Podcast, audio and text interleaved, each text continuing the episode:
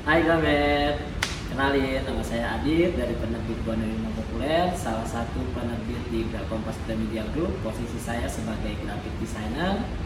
Kebetulan saya sebagai graphic designer pernah memegang beberapa proyek buku untuk membuat covernya uh, buku-buku bestseller dari beberapa kategori buku yang saya buat. Nah, pada kesempatan sharing kali ini saya mau memberikan beberapa tips, membagikan tips yang bisa uh, teman-teman lakuin untuk membuat cover gimana sih untuk bisa menjadi cover buku yang baik atau bisa menjadi bestseller. Tips yang pertama, tips yang pertama tentunya sebelum kita melakukan pembuatan cover adalah memilih software desain yang akan kita gunakan. Software desain memang ada beberapa, tapi umumnya yang biasa kita pakai adalah ada Photoshop, ada Illustrator, dan ada InDesign. Umumnya sini saya pakai ada Photoshop, ada Photoshop itu bisa melakukan banyak hal ya menggabungkan image, edit, foto dan lain-lain sebagainya. Kalau ada Illustrator biasanya saya gunakan untuk pembuatan uh, image dalam bentuk vektor. Sedangkan yang ketiga adalah InDesign. InDesign itu biasanya saya gunakan untuk finalisasi desain.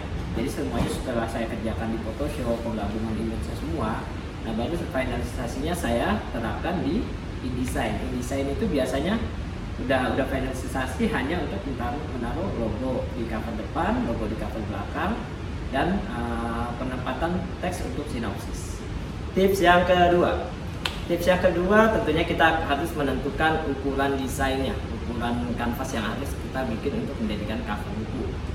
Kalau di kita itu ada gen, tergantung genrenya. Kita mau tentukan bikin buku non fiksi, buku anak, buku novel atau buku aktivitas. Semuanya biasanya di sini sudah ada ketentuan ukurannya.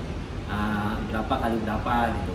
Tapi pakem standar itu bukan berarti kita harus bikin buku itu segitu ukurannya.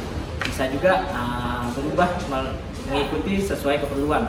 Ada juga jadi buku saku, buku kamus itu ukurannya tentu di luar standar-standar yang ada di media tapi untuk memudahkan biasanya kita punya pakem seperti non fiksi 14 kali 21 dan ukuran buku anak 18 kali 24 dan lain-lain. Itu jadi kita sudah tahu bidang mana yang akan kita kerjakan. Jangan lupa kasih uh, bleed sedikit garis potong kalau di tempat penerbit. Itu adalah ketika naik cetak fungsinya gambar-gambar pada bidang-bidang yang dikerjakan tidak terjadi uh, tidak. Tips yang ketiga sebelum saya melakukan cover buku biasanya saya meminta bantuan editor untuk meringkas apa isi buku inti dari cerita buku yang akan saya bikin covernya. Pentingnya membuat memahami isi buku adalah membantu kita dalam menggambarkan nuansa yang terjadi di dalam buku tersebut untuk kita terjemahkan ke dalam cover. Misalnya nuansa tersebut bercerita tentang percintaan, tentang uh, drama yang lain, tentang kebencian, tentang kesedihan, itu bisa kita tuangkan uh, tarik garis merahnya dari isi ke cover. Jadi pentingnya memahami inti cerita adalah memberikan kita gambaran untuk membayangkan apa nuansa apa yang akan kita tuangkan ke dalam cover. Nuansa itu dapat kita tuangkan dengan berupa pemilihan warna, pemilihan uh, nuansa suasana yang lain yang kita bangun. Jadi penting sekali untuk memahami isi buku supaya terjadi sinergi antara cover dan isi buku.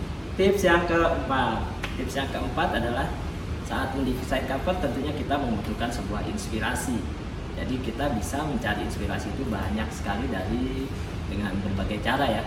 Salah satu cara yang paling mudah adalah kita mencarinya tentu di internet, melihat cover-cover buku bestseller dari berbagai penerbit. Kita bisa lihat apa sih kesamaan buku-buku bestseller tersebut dengan genre yang sama tentunya. Ketika kita bikin buku non fiksi, kita cari buku bestseller non fiksi. Ketika buku anak, kita cari buku bestseller anak itu bisa kita lihat kesamaan apa sih yang biasanya mereka tonjolkan di sana sehingga bukunya dapat menjadi bestseller. Inspirasi kedua bisa juga kita jalan-jalan ke toko buku.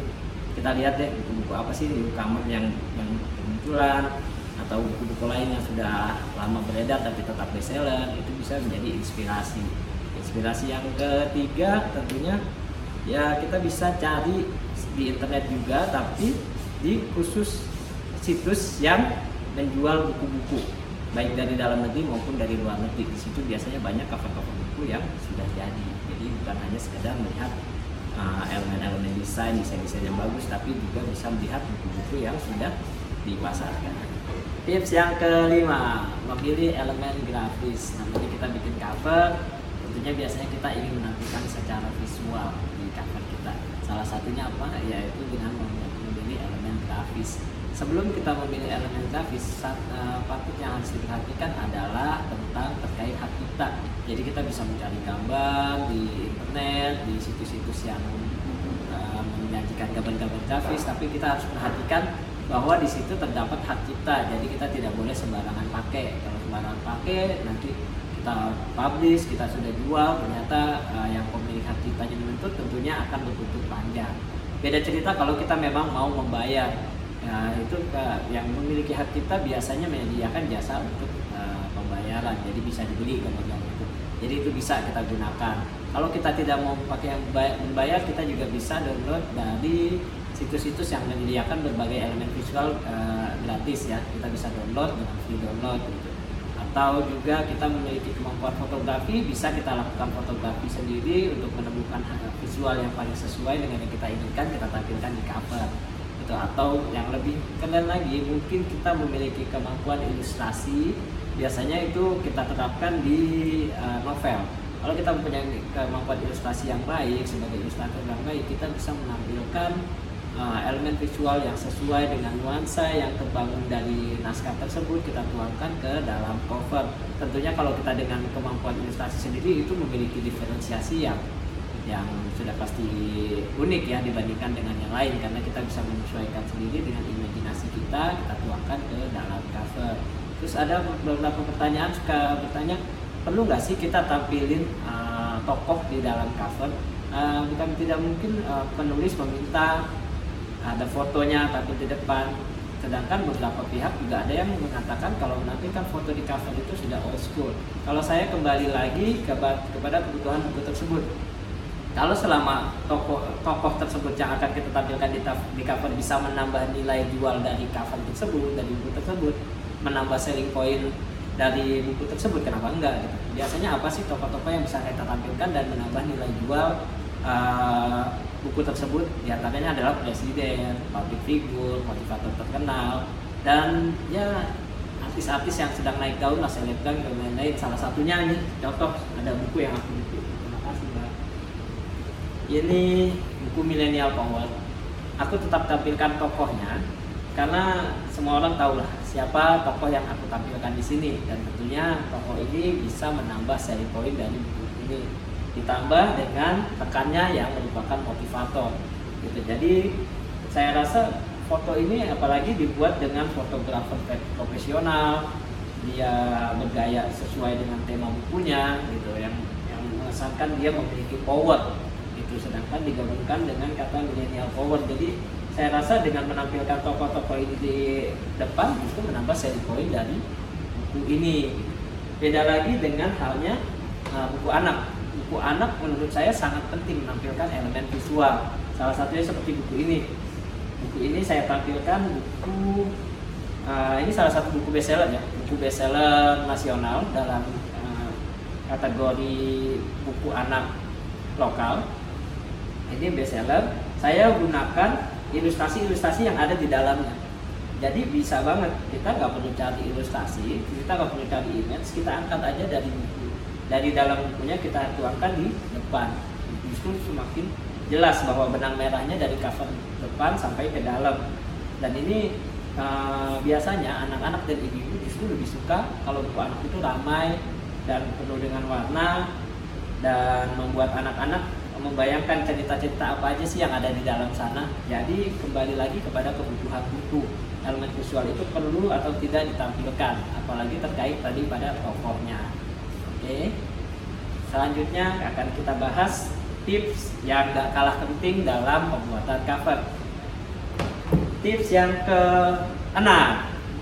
Tips yang keenam adalah tadi kita udah bahas elemen visual. Apakah perlu semua buku itu pakai elemen visual? Balik lagi kepada bukunya tersebut. Kalau ada beberapa buku yang sekarang kita temanya simple design. Ya, simple design itu artinya kita tidak perlu bermain terlalu banyak visual, kita tidak perlu bermain banyak warna, tapi buku itu mampu memberikan kekuatan pada cover yang ditampilkan dan mewakili apa isi buku yang dibahas dalam uh, naskah tersebut. Salah satunya adalah ada yang aku pegang. Terima kasih. Ini adalah buku bicara itu ada seninya. Kalau kita lihat di sini, di sini saya tidak bermain visual sama sekali. Secara visual yang bersifat gambar ya, ini tidak ada, tidak ada ilustrasi, tapi saya menonjolkan kekuatan di pemilihan font. Font yang saya pilih di sini adalah untuk menegaskan judul yang memang judulnya juga pemilihan judul yang baik, tentunya sangat berperan penting juga. Saya tekankan besar sekali untuk penekanan di judul. Bicara itu ada seninya. Komposisi yang menarik tentunya juga berperan. Komposisi yang tidak monoton, tidak begitu-begitu saja, tentunya juga berperan pada permainan font. Jadi pemilihan font sangat penting di buku dan usahakan dalam memilih font untuk cover jangan terlalu banyak alternatif maksimal itu 2 sampai 3 itu udah udah maksimal sekali yang saya tiga sudah maksimal lebih dari itu sudah uh, menjadi mengganggu biasanya kita bedakan di pada pemilihan font itu biasanya pada kekuatan judul penulis dan kita bedakan pada subjudul serta terjemahan kategori uh, judul aslinya. Biasanya kita pilihkan di situ. Elemen-elemen lain yang tidak terkait dengan font dan visualisasi mungkin juga bisa kita tampilkan salah satunya dengan menempelkan logo bestseller tapi dengan bukti memang sudah bestseller seperti buku ini. Buku ini sudah terjual 80.000 eksemplar. Ini masih bisa didapatkan ya di toko buku Gramedia. Sangat mudah dicari karena menjadi bestseller nasional. Tentunya sangat patut untuk dimiliki karena selain dari kekuatan cover desainnya juga bukunya memang sangat bagus. Gitu. oke tips yang terakhir adalah tips yang ketujuh. Ya tips yang ketujuh. Nah ini tips terakhir lah dari aku. Tips yang ketujuh itu biasanya kita lakuin adalah kumpulkan feedback. Itu biasanya tips ketujuh ini kita lakuin ketika kita membuat cover membuat beberapa alternatif cover yang kita rasa memiliki kekuatan sama baiknya. Gimana nih cara kita menentukan yang mana yang akan kita publish biasanya kita upload ke sosial media atau kita bawa ke forum itu biasanya kita kasihkan pilihan. Nah dari situ kita bisa lihat feedbacknya. Feedbacknya mana nih? Uh, feedback positif dari ketiga cover tersebut. Ya apa cover A, cover B atau cover C. Kita lihat feedback paling positif yang mana. Dan, dan uh, kekurangannya dari ketiga cover itu apa? Tentunya feedback dari orang lain itu bukan sesuatu hal yang mutlak. Kembali lagi kepada kita bagaimana kita menyaring ide-ide positif yang kita dapatkan dari feedback, kita ambil uh, ide positifnya, kita ambil kekurangannya, bagaimana kita padukan menjadi satu cover sehingga memiliki ke kekuatan yang paling lengkap dari ketiga cover tersebut. Sehingga yang kita harapkan adalah cover menjadi cover yang paling baik dari pilihan tersebut paling baik dan ketika kita publish tentunya kita berharap cover tersebut menjadi cover buku yang bestseller itu aja sih tips dari aku teman-teman Gramet tips dari aku ini bukan sesuatu yang baku bukan sesuatu yang pakemnya oh begitu ya. Tapi kalian juga bisa dapetin tips-tips lain dari uh, desainer-desainer lain dari referensi-referensi yang lain. Uh, ini sebagai gambaran aja sharing apa yang aku lakuin biasanya di dalam penerbit Gramedia. Oke tetap semangat buat Gramet tetap semangat buat para graphic designer uh, semoga tips-tipsnya bermanfaat dan berguna buat uh, kalian ke depannya dan jangan lupa untuk saksikan episode-episode selanjutnya. Bye.